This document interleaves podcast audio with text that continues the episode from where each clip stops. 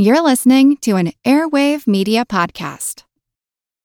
When you need mealtime inspiration, it's worth shopping Kroger, where you'll find over 30,000 mouthwatering choices that excite your inner foodie. And no matter what tasty choice you make, you'll enjoy our everyday low prices, plus extra ways to save, like digital coupons worth over $600 each week. You can also save up to $1 off per gallon at the pump with fuel points. More savings and more inspiring flavors make shopping Kroger worth it every time. Kroger, fresh for everyone. Fuel restrictions apply. Another day is here, and you're ready for it. What to wear? Check. Breakfast, lunch, and dinner? Check. Planning for what's next and how to save for it? That's where Bank of America can help. For your financial to-dos, Bank of America has experts ready to help get you closer to your goals. Get started at one of our local financial centers or 24-7 in our mobile banking app. Find a location near you at bankofamerica.com slash talk to us. What would you like the power to do? Mobile banking requires downloading the app and is only available for select devices. Message and data rates may apply. Bank of America and a member FDIC. This is Kick Ass News. I'm Ben Mathis. Support for today's show comes from Google Play. Did you know that you can now download and listen to audiobooks on Google Play?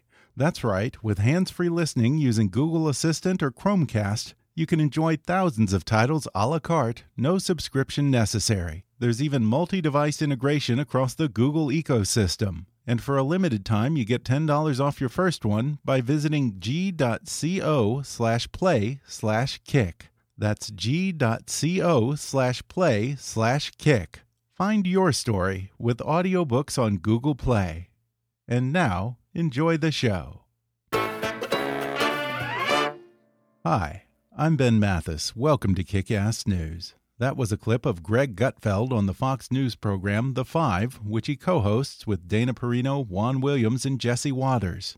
The puckish Gutfeld might seem a surprising fit for the straight laced Fox News, but his mix of razor sharp political commentary and oddball humor have made him one of the network's most popular personalities ever since he began hosting the late night show Red Eye in 2007. After eight years on Red Eye, he decided to opt for an earlier work schedule, now hosting the Greg Gutfeld Show on Saturdays and The Five every weekday, where his signature monologues have become the highlight of the show. He recently compiled some of his favorite monologues into a new book titled The Gutfeld Monologues Classic Rants from the Five. And as the cover warns, this is not your grandmother's anthology book. It's a collection of his best commentary, layered with additional commentary on the commentary that's witty, sarcastic, and at times even self critical. And today, Greg Gutfeld sits down with me at the Ronald Reagan Presidential Library and Museum to talk about the book and the opportunity it gave him to troll himself. He talks about his political evolution beginning at liberal enclave UC Berkeley and how extremism on the left and the right led him to identify as a free thinking libertarian. He recalls his early days working at the Huffington Post with his best buddy Andrew Breitbart, and how a prank involving costumed dwarves got him fired as editor of Stuff magazine. Then he shares how his quirky little late night show became a hit on the unlikeliest of networks by giving Fox News viewers a much needed break from 24 hour politics and stoners an alternative to infomercials. He reveals how he's broadened the Fox News demographic one unicorn at a time, how thrash metal helps him bridge the political divide, and how he manages to keep his antics from getting him in trouble at the network plus Gutfeld on the scourge of British lad culture, pet videos, yoga news, and Fox News' next big hit, a talk show hosted by a dolphin. Coming up with Greg Gutfeld in just a moment.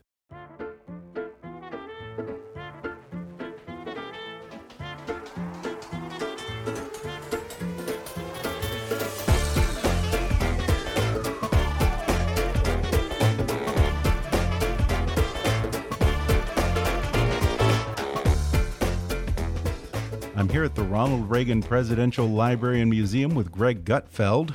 Greg Gutfeld is a New York Times bestselling author, a satirist, humorist, blogger, and magazine editor. In 2007, Greg joined Fox News, where he hosted the popular late night show Red Eye for eight years, and he's currently the host of The Greg Gutfeld Show and the co host of The Five on Fox News.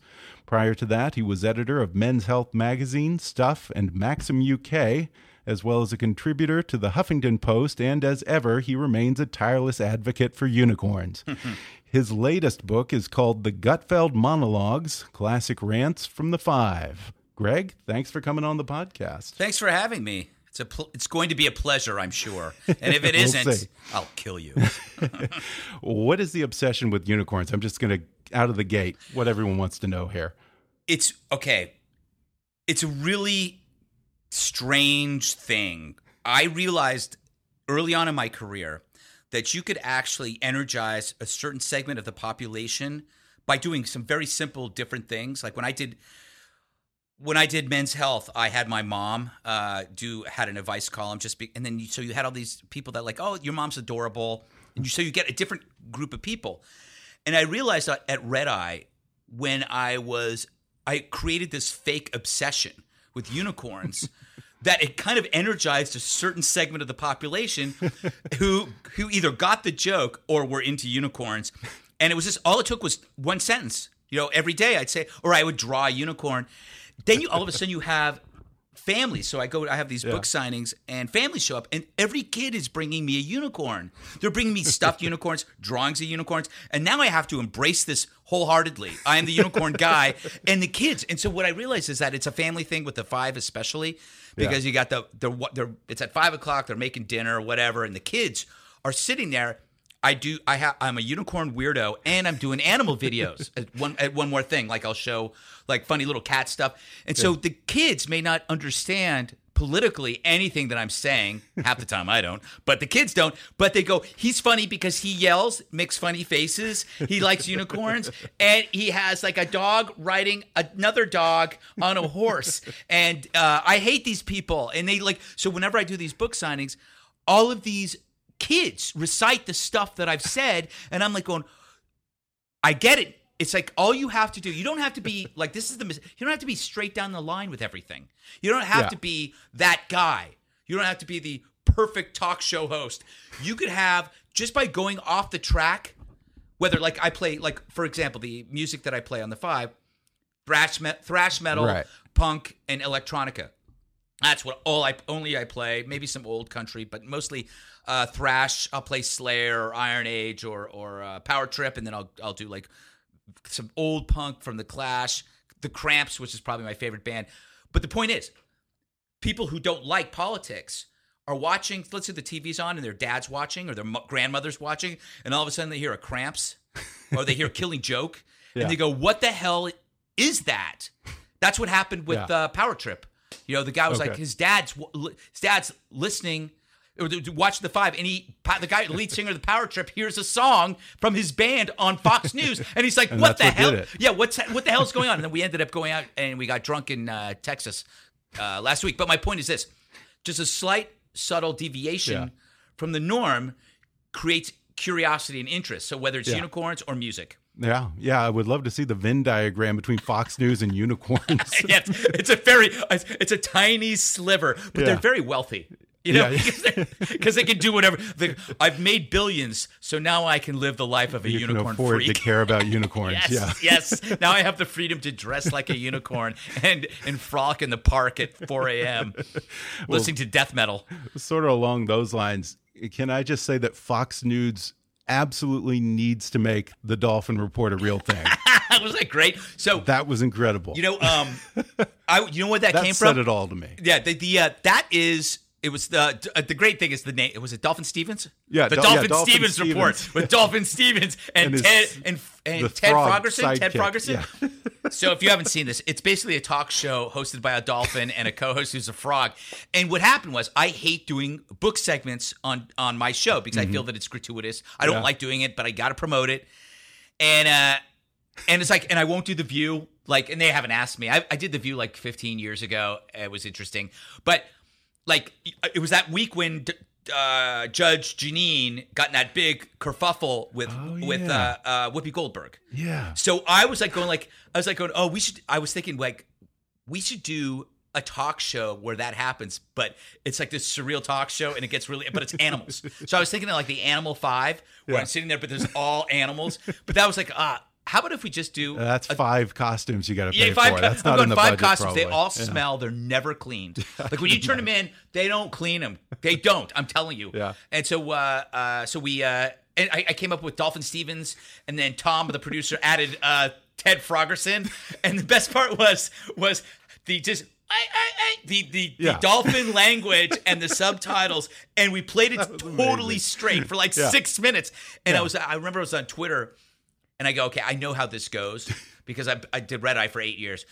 The joke exists because of the, its length. You got to kill that. You got to just do, drive it into the ground Yes, and then keep yes. driving it. It's like the Simpsons uh, sideshow Bob stepping on the rake. Yeah. I saw like within one minute people going, "Make this stop." My dog's going crazy. Everybody was everybody was saying my dog's going crazy because they or the sound Oh, of the the high dolphin. pitched dolphin Yes. noise. But it was great. It was a, we built.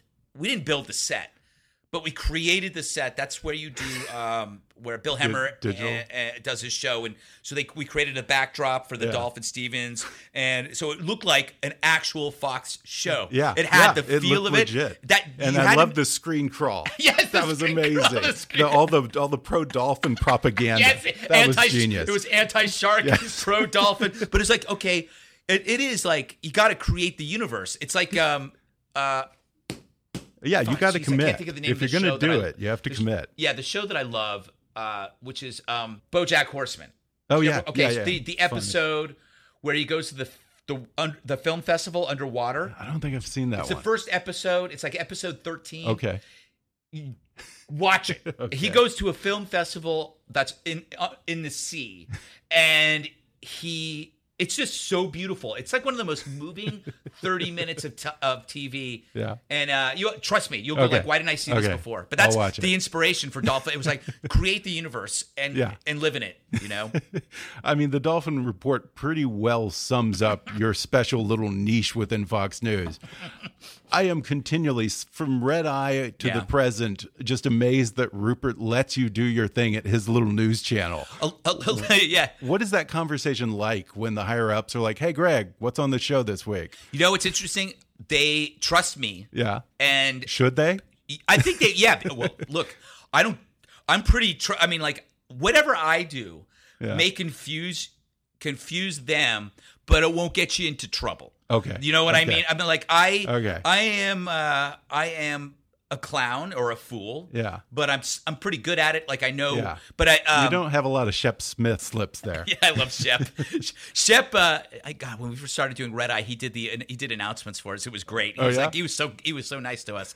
but like with Red Eye, because it was at two a.m. and then later they moved it to three. Ninety percent of the people at Fox weren't even watching it. So Mm-hmm. what happened was every single day that we did the show, we got slightly better or slightly worse. But over time, you get slightly better. So after a thousand shows, Okay. it, I would say after six months, so that's 150 shows or whatever.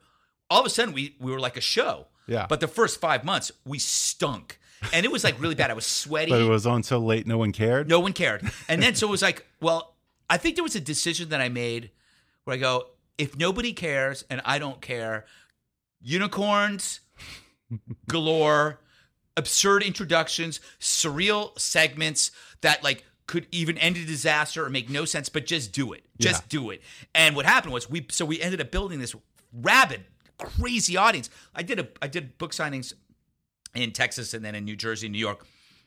So people came up with like 13 year old kids, like uh who I was breastfeeding him, watching Red Eye, that kind of thing. Those are the kind of stories. Yeah. And they like that these people had like w- were late night watching this show and it was like something so it was like there was nothing like it and I kind of There, like there forgot. wasn't. That's what was great. I It- forgot I forgot but you know what It was like an Algonquin round table for the modern age. It's Yeah, like yeah. just people riffing on culture and politics and having fun. No one taking themselves too Yeah. seriously. getting into trouble It was so about like like the thing like we we did this thing called yoga news you should google but it was Yeah. like uh where you'd have um newscaster doing yoga while Yeah. i read the news I got so much trouble for that one but i didn't know like Yeah. i was like and, and so they come out but the great thing is when i would get in trouble it was after the fact they would just call me into an Right. office and go why wake up the next day. yeah but they would go like they'd find out about it Yeah. and they'd go, "Why?" And I go, "What? Why? Why I don't know. It's, it seemed like a good idea." And then they just kind of go. But then, it- but uh, but now, uh, like, I don't, I, you know, I don't, you know, I know that the powers that be love the GG show. They love Yeah. it, and and I, and it's because it's like it's not, it's not like anything on the network. That's Right. important. It's got to be Yeah. Mm-hmm. something apart from it, so that you have relief from the cycle of news. You don't need. You, you, chances are, and I've, I've, you know, I when I get challenged over like we need something more topical. It's like no, you don't. You need the opposite of topical. Yeah. You need evergreen. You need Yeah. you need you need five really smart people or four four smart people and one merry insane prankster to sit there and talk about current events and big picture stuff and, and weird things. You Yeah. don't need to hear what happened. Like I'm not going to do, you know, I'm not going to talk about the Mueller probe. I'm not, you know, it's just like everybody's got their fill, Yeah. you know. You can't just have politics, politics, politics for an hour without something to let the steam out. You're going to be a miserable person. And it's like I, I when Red Eye started, and this was before Twitter, so it was all email. yeah. This has no place on Fox News, and so I would I would end up calling uh, viewers who sent hate mail and ask them to come on the show, and they wouldn't. They'd go, "What you're doing is terrible. It has no place here." They were like, and I was like, but then I had I talked I actually have this in my speech that I'm not doing today. Um, there are three steps to red eye. Uh, I think it's repulsion, confusion, addiction. So first, it's like, what is this godforsaken piece of crap? These people, I hate these people. Then it's like, wait a minute, I didn't. There's something going on here that I didn't Yeah. quite catch, and now I realize over time that it's actually the whole thing is something I didn't catch. That this is not actually. This is like a TV show within a TV show within a TV show, and then it's addiction, and then it's Mm-hmm. Yeah. all of a sudden you're writing to me, you're sending me unicorn stuff, you're buying me, you're buying my unicorn drawings. But it's like it is. Yeah. It starts repulsion, confusion, and then addiction. Yeah, And then it- it was- extinction. you're right. There, yeah, and then extinction. I mean, what what happened there? Was it just that doing a late night show five days a week and also prob- doing an afternoon show? I could have. I mean, it I had to probably be could have done it, but it was. I, I think I was dead. I mean, like Yeah. I'd done it for eight years, and um and the fi- and also they were talking about doing Yeah. the GG show, And so you it was didn't like tape it earlier in the day, right? taped it This- at eight o'clock. So I would do the. Yeah. and it- so it's possible that I could have kept But doing what, it. you weren't taping at five like Johnny Carson. Or well, Yeah. This is, shows how antiquated my references yes, are. But Johnny Carson whatever. is a 1970s, 1980s TV personality. yeah, the Steve Allen show. Yes, both of his, all of his wives are named Joanna. Just remember that. He couldn't get out of the Joanna thing. He was just like, "It's got to be Joanna." that that's got to kill the first wife. So first wife was like, "So what's your what's the what's your next wife's name?" Joanna. It's like, "Why did you divorce me?"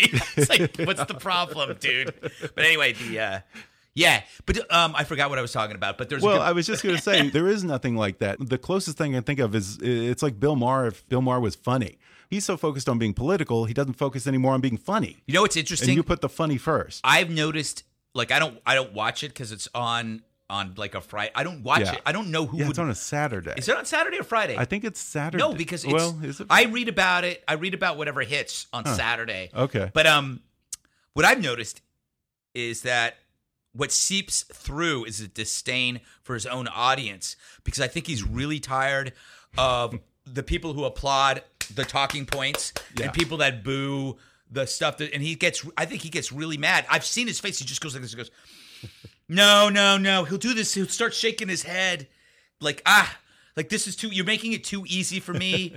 It's not black Yeah. because I do think there are times when he's really brave. When he had you know Sam Harris on and that whole Mm-hmm. uh, what's his face Ben Affleck thing that went down, and also he does get. I think he's coming out going after like the the I would you know the to use the Dave Rubin line the regressive left. Mhm. Um, I think he might. I think in his head and heart he knows that there's something going on in the Trump world that is that is actually good, but he can't say it.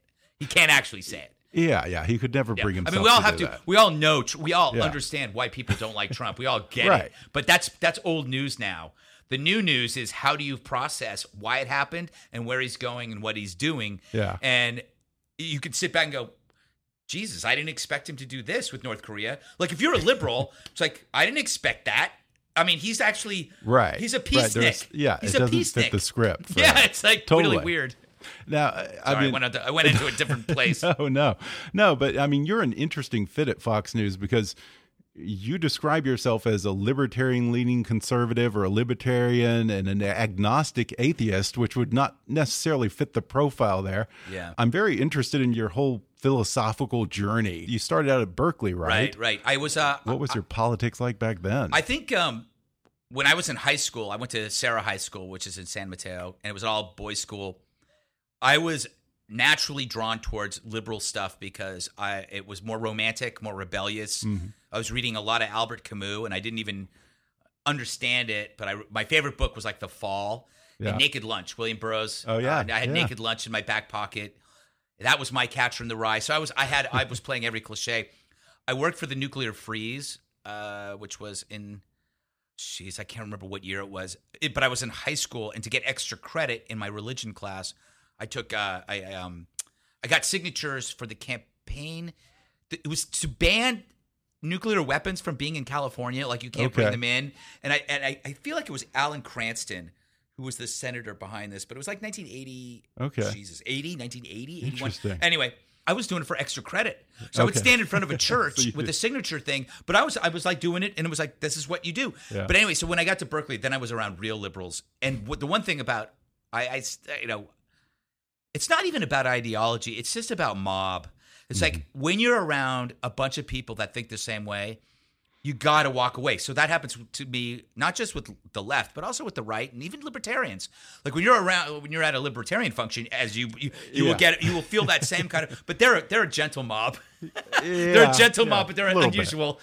but um, like the left wing mob is scary. Yeah. If you go on Twitter, it's really frightening. I'm I'm writing Yeah. a piece that's um that that should be published this week on um on uh mobbery Mm-hmm. uh which I I'd written a book Joy of Hate which was about that about 5 Right. years ago but um I think what happens is I just get I have a innate reaction against like and it sounds so like um self promoting I ha- you know when I see another group I I just react differently everybody feels that way everybody feels that way yeah.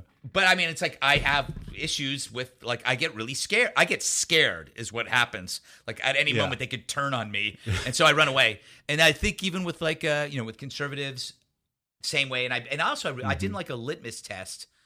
I didn't like the the, the the laundry list of issues. I wanted to I Yeah. wanted to be able to go and go. I like this. I don't like this. I want I'm for drug legalization. Politics should be a la carte. Yeah, it's a la carte. Exactly. That's the, I'm the I'm the a la carte party.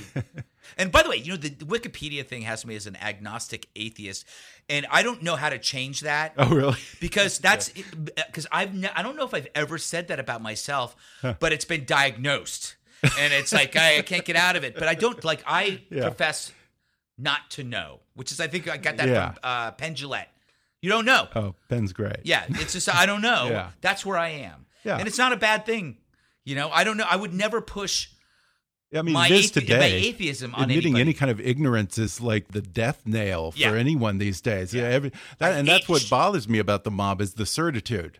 Yes. I mean, no one wants to question anything, and yet, ironically, you have so many people questioning all the things they shouldn't question. Yeah, yeah, like yeah, The yeah. conspiracy theorists, the Alex Jones crowd. It's just, it's amazing. yeah, Yeah, it's uh, uh, weird and unusual time. I think it's like we're we're experiencing growing pains in this technological Yeah. movement, and I don't know which way it's going.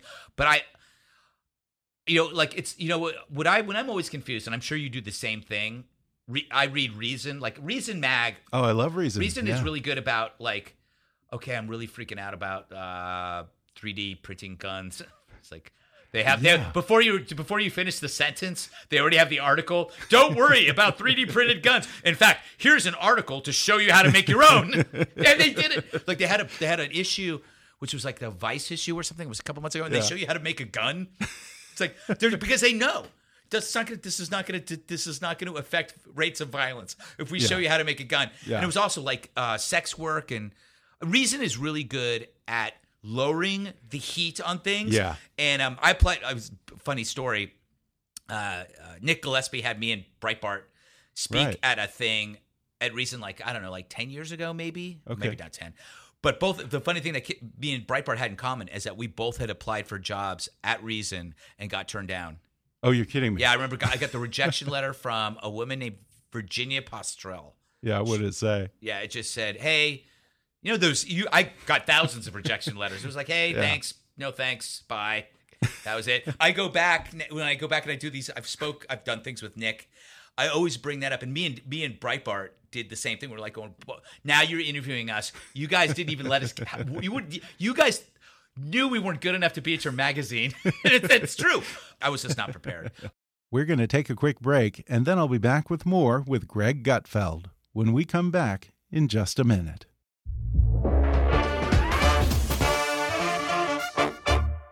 Hey, folks, here's some advice for anyone who sends emails to their customers. You deserve a better email marketing platform, one that's actually designed with your type of organization in mind. And unlike other email providers, Emma puts its customers first, offering powerful email marketing with a personal touch. With Emma, you'll have everything you need to connect your data, build your audience, and do your most successful marketing ever. Because their easy to use platform makes advanced functionality accessible to everyone on your team, no technical skills required. You can even connect Emma with the services you count on to run your business, like Salesforce and Google Analytics. Not to mention, Emma's award winning team is always ready to support you on your email marketing strategy, design, list migration, and more. So put the power of email experts behind your marketing. Request a customized demo of Emma's email marketing platform today at myemma.com. Again, that's myemma.com. Do you want to learn how to go from good to great to unstoppable? Do you want to maximize your potential? Do you see the value of networking with other ambitious professionals? If you answered yes, invest in yourself. Buy a ticket now to Relentless MV a very unique event being held in Martha's Vineyard September 28th through 30th, featuring elite performers like David Goggins, Tim Grover, and the Iron Cowboy. Their speakers will share tips, tricks, and experiences to help you become unstoppable. The event is being held at Lambert's Cove Inn, a beautifully restored farmhouse from the 1700s nestled in the woods. This event promises a ton of fun and, more importantly, a great investment in your future. Both weekend and day passes are available. And as a listener of this podcast, you get a special deal.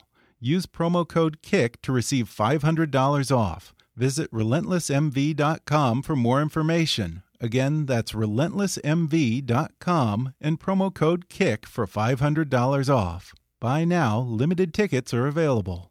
And now, back to the podcast.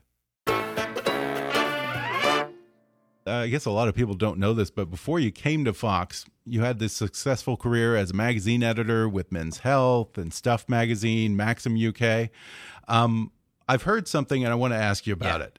Is it true that you got fired from Stuff because you hired seven dwarves to annoy people at a magazine conference? Close. Yeah. You almost, I would say you're about 70% correct. So what happened was um, I've been asked to speak at a magazine conference with the editors of Rolling Stone, Oprah, um, Glamour, I think, and Cosmo. They were all, you get up on the days.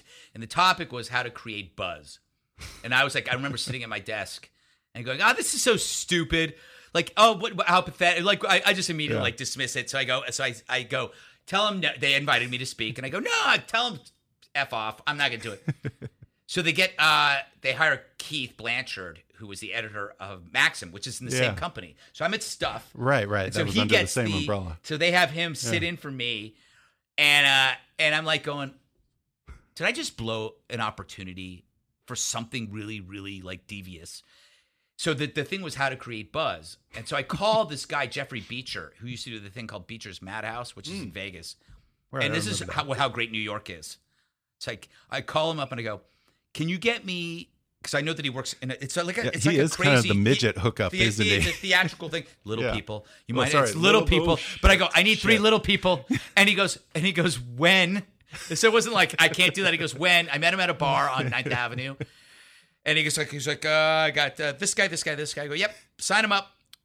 This is such a great story. While this is going on, Discover, I think it's Discovery Channel was doing a new show called Head to Head, which never aired. I might be wrong. I might be wrong on the network. Could be history. I think it's Discovery. Okay. Head to Head looks at a business Oh, okay. and looks at the competitors. So they had me, FA, they had Stuff Magazine, FHM, and Gear Magazine. These mag, none of these magazines exist anymore. So uh, they hired they had hired people to tail they they had a production staff that were tailing me Yeah. while I was doing this, which adds this other crazy absurd levels of, of absurdity. So anyway, three little people show up. One's dressed as a preppy. One's dressed as a uh, gangster, and another one is dressed as. Did I say uh, uh, uh, prof- Professor Preppy? Oh, um, A gangster. elder like an elderly like British guy with like a cane, like lo- like a like you know like a like a I don't know whatever.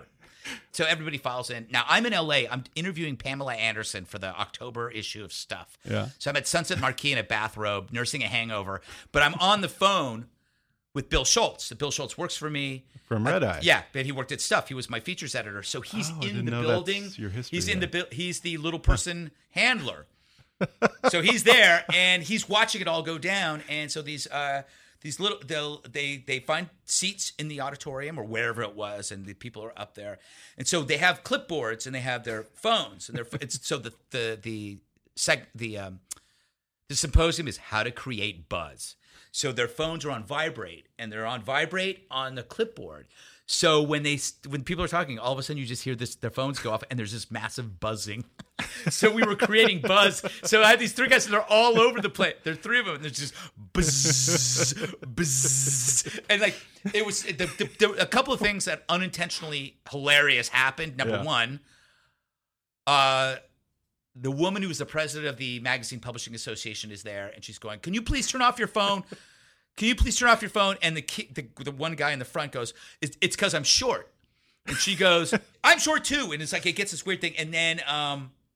Another person, so so everybody's trying to pretend that nothing's going on, like it's not happening, because nobody wants to insult anybody, right? They don't want to say like this. These guys aren't journalists because they're obviously little people. They can't say that because that's that would be wrong. So I, it had this built-in armor. I love that. It had uh, it, so they couldn't do anything. Yeah. So finally, somebody had the guts. So there was this buzzing going on, and people are getting pissed off. Two things happen. One, a woman stands up and goes, "Can't we?" She goes, "Can't we just admit that there's something going on here? Come on!" and like nobody, she goes, "Come on, there's something going on here." She was like the smart person, but she had the guts to say that. Yeah. Now I'm getting this all from Bill Schultz, so who knows? Like, ha- but it, but it ended up in the it ended up in the New York Times, the New York Post. It, it went everywhere. But um, the other thing too, Keith Blanchard was the editor of Maxim, and he was up on the days, and I think he was really pissed off because people thought he was doing it. And it was like uh, they were all like, "Oh, it's obviously the editor from Maxim," and he's like, "He's like, I got nothing to do with this." And so I get a call from the president of the company, not uh, not Felix Dennis is the owner, but the president was this guy Stephen Colvin. So they're all like, "This shit's going down." It's like a big deal because uh, Blanchard's pissed off, the MPA's pissed off for hiring him. All this stuff's going on, and I remember Colvin calls me, and he goes, "Greg, uh, we have a bit of an issue here," and I go, "Yeah, I did that." that was me. And he goes, Why didn't you tell me? And I go, Because you would have said no. And he goes, Hmm, you're right. I would have said no. okay. Well, I'll see you when you get back to the office. And uh, so we hang up, and I'm I'm like I'm at I'm at the Sunset Marquis, and I'm just laughing. And the next day, the New York Post has this huge piece. It's called uh, "Tiny Terror." So like I, a month later, I get called into the office, and it's like um, getting fired by the British is amazing because it's so polite. You know, um, we're going to be um, uh, assigning a new role for you. go, what is it? What is my new role? Well, you're no longer going to be editor of Stuff magazine. And I go, well, what's going on? He goes, we're going to make you the director of brand development. And then, and I go, you're firing me. no, no, we're giving you another job. It's like a bigger job. Is it a promotion? Are you promoting me? And he goes, yeah. And I go, oh, so then I get a raise. And he goes, well, if you're promoting me, you're giving me a raise Yeah. because you can't just like you're. I'm the director of brand development, and he's like, yes. And I go, how much? so I get so I get so essentially I get fired, but I get a year contract as director of brand development, Yeah. and they move me. They what the whole thing is they wanted me out of New York and away from the brand. Okay. They wanted me away from the magazine because I was uh, I was a little bit more overpowering as an editor than Yeah. normal editors are supposed to fit into a uh, into a spot. Right. But I was picking fights with Art Cooper and doing all sorts of crazy stuff with David Granger. I was like, as I was being, I was treating it like a street fight and having fun. So they said, just move him to L.A.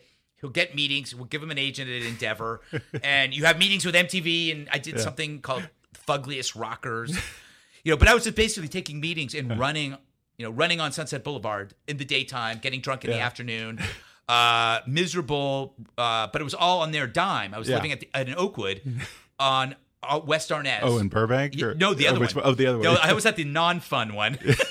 I was at the one uh, like one block outside of La Cienega, Arnaz, I think it's called. Oh, okay, okay, Parallel yeah, to, yeah, but um, great, like great spot.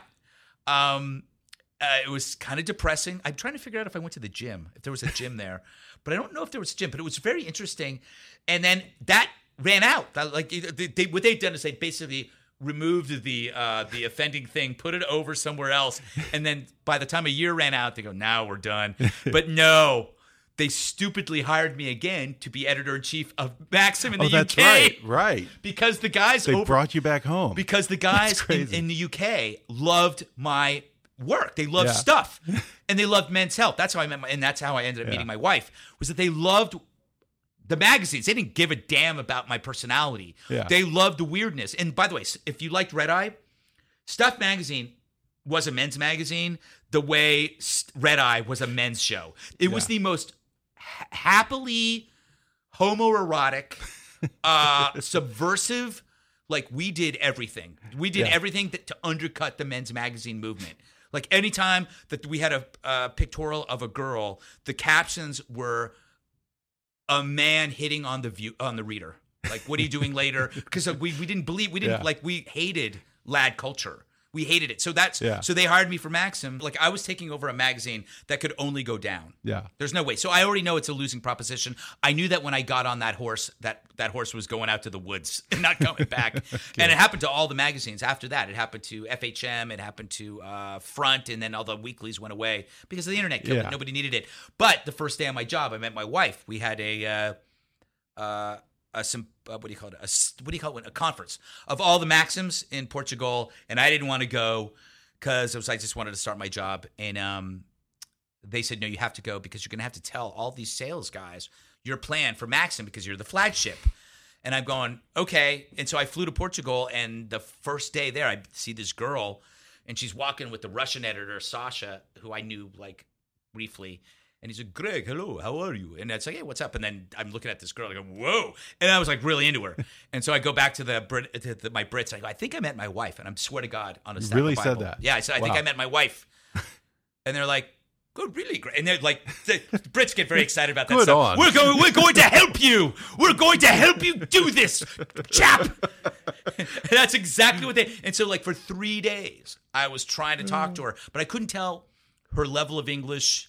Yeah. You know, but she knew who I was because they were buying all my stuff. They'd uh, at the Maxim Russia, and she had worked at Men's Men's Fitness at Russia. Had been Okay. buying my Men's Health stuff, my articles, and my stuff stuff for Ma- Maxim. so she knew who I was, and so I remember the, it was like the last day I was there.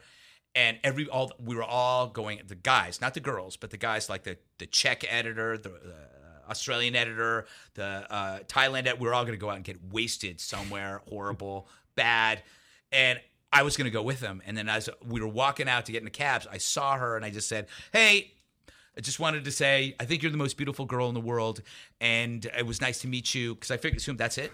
And she goes, I would expect, I would expect something better from Greg Gutfeld. And I go, Ouch. yeah. And then I just started talking to her, and then we ended up like I just told those guys to leave, and that night we ended up talking like about. Well, we hooked up, but we, we talked, then but we hooked talked. up, and then we did. We made a vow that, like, you know, you know, we're not, we're not going anywhere. We're not. I, we're gonna date. Yeah. And so, uh, like, my our first Long date was in. Paris, and then it, it was great because Oh, she'd have to fly to Russia, Yeah. and I'd fly, and we go to Paris, and then um, Rome, and then that I proposed in Amsterdam. But it was really, it was really pretty funny because it was the first day on my job. So Maxim as a magazine itself. By the way, if you ever get a Maxim UK in that era, it'll blow your mind. It is the most subversive thing on the planet. If you think Red Eye was weird, There is nothing. Like I did this comic strip called Dog Baby. Ah, forget it. I won't get into it. But anyway, the uh, but the point is, like, it, it might have been a Google it. disaster, but I met my wife, so it, selfishly it all worked Okay. out. Yeah. So all those guys that lost their jobs, like, oh, thanks, Greg. So you're, what you're saying is it all worked out for you. yeah. And how long have you two been married? Well, that was 2014. It'll be, I think it might be 14 years in. It's 2018. 14. I think it's either 14 years. 14 years in uh, in next week. Wow. 26th. That's Wait, no, amazing. that's her birthday. Sorry, Oh. no, it's uh November. Either way, you gotta get a gift. I got to get a gift. Something. I better do something. thing. I have to ask then, because there's something that just doesn't make sense to me. I've been trying to figure this out in your timeline. At what point do you go from being a magazine guy to getting hired to Fox News? How the hell did that happen? Well, the the link that people miss is the Huffington Post. So I Oh, was right, I was right. working I was working at Maxim when Matt Labash, who worked for their I don't know Weekly Standard at the time, said uh, Arianna asked him to write for this new gig, but he can't do it because Bill Kristol won't let him. And I, I had been interviewed by AJ Daulerio. I loved this, like it was the funny thing is the irony of ironies is that the reason why I'm sitting here and you're interviewing me is probably because of AJ Daulerio, who probably doesn't even know that. You know the Hulk Hogan story, right? He's the guy that got sued for oh, the Hulk oh, Hogan oh, story. oh, oh, from Gawker. Yeah. yeah, yeah. Okay. So Yeah. AJ was did a uh, a blog called The Black Table with Will. Oh, Jeez, I can't think of his name. Will something. But anyway, and he interviewed me for The Black Table. Uh, Labash saw it, and he goes, "I can't, uh, uh, I can't do uh, this thing with um, Arianna, but do you want to do it?" And I said, "Yeah, sure. What is it?" He goes, "That's his, uh, it's a blog." And I, yeah, I'll do it. So Arianna emails me. I email back, and it's like, yeah. She goes, you know, it's it launches this Tuesday. Now I'm what's it's in LA, so I'm like eight hours ahead, I Yeah. think. So By the way, your Arianna impression's shit. that was terrible. Say, Look, darling, Okay, we you like go. your writing. It's very you are the ombudsman. That's what she always says. She always says ombudsman. But anyway, I was writing eight hours ahead, so when my stuff posted, it was the first thing on the blog. Oh. so the first thing I did was a recipe for lemon squares. Because remember the Huffington Post, the Breitbart had created the Huffington Post. Right, right. I Yeah, forg- that's yeah, how we people friends. forget that Breitbart's got his start there. So the whole thing was Yeah. to show progressive celebrities their mindset. But what happened was uh, it like backfired. It became a joke. But I was writing the uh, I wrote a, a thing for lemon squares, a recipe for lemon squares, and then a lost and found. In which uh, I was talking about how, like, I was treating like the Huffington Post was like an actual building, and like Byron York lost a pair of swim trunks, and like Bill Maher left hair in the drain, and all this other. So I would write this weird stuff, and it got really popular. And then Breitbart called me because I had written something where I was making fun of Arianna, and he was like, "Hi, Greg, it's Andrew, and we talking." He was like, "Ah, "You gotta, you gotta take this thing off," and I'm like, uh, "All right." And then five minutes later, he calls me back and he goes, "Forget everything I said. Forget it." Do whatever the hell you want, and we became like best friends, and we started Yeah. writing together. So I would send him stuff; he would we'd go back and forth, and that so then so from the Black Table to Huffington Post to Breitbart talking to probably I think it might have been Ken LaCorte or somebody at Fox News in L.A. about this weirdo in London, Gutfeld. Uh, you should get him, and so they they have a guy in London, and they go meet Gutfeld for a drink. We go to this bar, and the guy starts talking about this show, and they don't have a name, they don't have anything, and I said, "I'll do it, I'll do it." And so I they uh, they flew me to meet Ailes, and well, first John Moody and Ailes, and it was a handshake deal, as smooth as anything I've ever done. I walk in, I'm talking to them. They got like I think Breitbart had sold me to the LA people who had sold them that this person was unique. They'd never, and I had I had a whole tape of uh, stuff I'd done at VH1, and I did all those like the eight weren't the eighties great, whatever Yeah. that crap was, you know, like uh like you know where you come in, and you go, what's up with Paris Hilton? I was Oh, that yeah, guy, yeah, yeah, okay. that was me, Yeah. And so I was like, I did a lot of that stuff, yeah. Now But- you didn't have to quote unquote audition for Ailes, did you? no, I did not. I Okay. did not. Thank Okay. God for that. But anyway, um, the weird thing is, is I sat down with Moody and John Moody, and uh, I figured that this is like a six month process. I come down. I'm like, I just flew in. I'm staying at some hotel. Uh, my wife was still in school, I think, but it was like it was very stressful. We didn't have a lot of things weren't put together at that time, and he just and I go, so um, so what's the plan? He goes, well, you start tomorrow you do three shows in this lounge, and then we uh, go live on Monday. And I go, what? And I'm like, no, I'm not ready. I, I don't know what I'm doing. I, I don't know anything. And they go, no, it's fine. It's, fine. Just do it. And that's how they that's how they were. old school television. They throw you into the deep end, and there's not even any water. Yeah. I mean, was their attitude just no one's going to watch anyways, so was- do whatever you Moody, want? Moody described it the best that way hour. I've ever heard. He said, "Red Eye." He was explaining it. There's actually a funny story to this too. That was he described it as a sandwich you make when you're drunk at 3 a.m. Yeah. So you come in, what's in the fridge? You're not even sure, but you're putting together the main. like like Bill Schultz is like old mayonnaise. Andy Yeah. Levy's like stale meat, you know. Yeah. And I'm the I'm like the so the the the ends of the bread. That's the only ends. The only thing you have left. But uh um But I mean, for them, realistically, the alternative was running reruns, probably. Yeah, so, it was no, it was- so you- you had nothing to lose. Well, You had all actually, that that's not, you know the, the reruns do really well because they're not reruns on the West Coast. So, for example, 3 a.m. is Oh. midnight. So, like they actually did like they probably took a hit because a rerun doesn't cost That's- anything. yeah, that's true. Doesn't cost anything, That's and it, they get. So I have a feeling. So I actually took it, and also because we got sued over the name. It was so funny because this shows you how, like, if somebody just asked me, the original name for it was, um, Jesus, what's the name of that show? Um, let's just it was Underworld or Never, Neverland. It was like it was uh, Wasteland. Oh, Wasteland. So the original title for Red Eye was Wasteland, okay. and um, I was like going. I I came up with it, and they loved it, and it's a great title. And then I came up with another one called Red Eye because like you're, it's like st- it's a Yeah. stoner thing, and it's late night. They love that too. So let's go with Red Eye, and then it turns out there's a newspaper that has the same name, and they Oh. they like just change it, change it to Wasteland. But they didn't, and then it, and they fought. And I, I don't know how much we paid for it. Oh, you bought it. You I, bought I don't off have. It was like I don't have a passion for the name.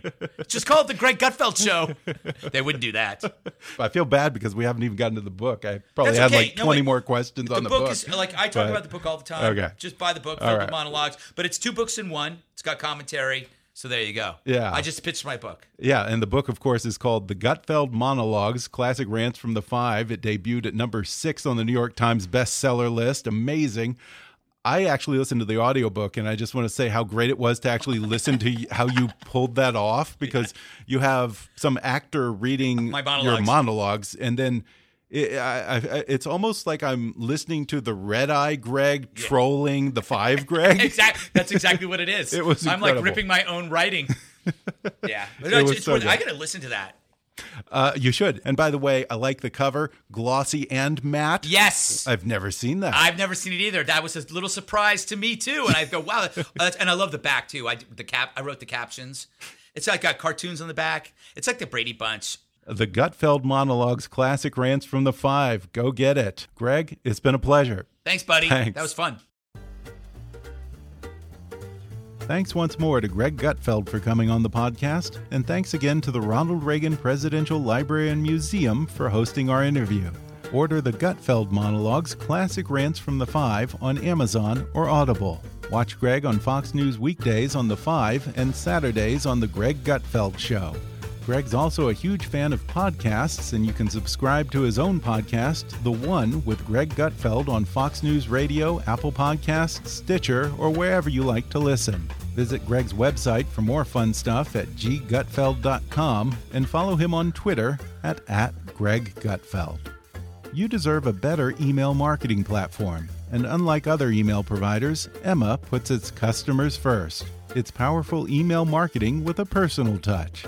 Their award winning team is always ready to support you on your email marketing strategy, design, list migration, and more, so you'll have everything you need to do your best email marketing yet. Request a customized demo of Emma's email marketing platform today at myemma.com. Again, that's myemma.com. If you haven't already, be sure to subscribe to Kickass News on iTunes and leave us a review. You can follow us on Facebook or on Twitter at, at KickassNewsPod. And as always, I welcome your comments, questions, and ideas at comments at kickassnews.com. I'm Ben Mathis, and thanks for listening to Kickass News.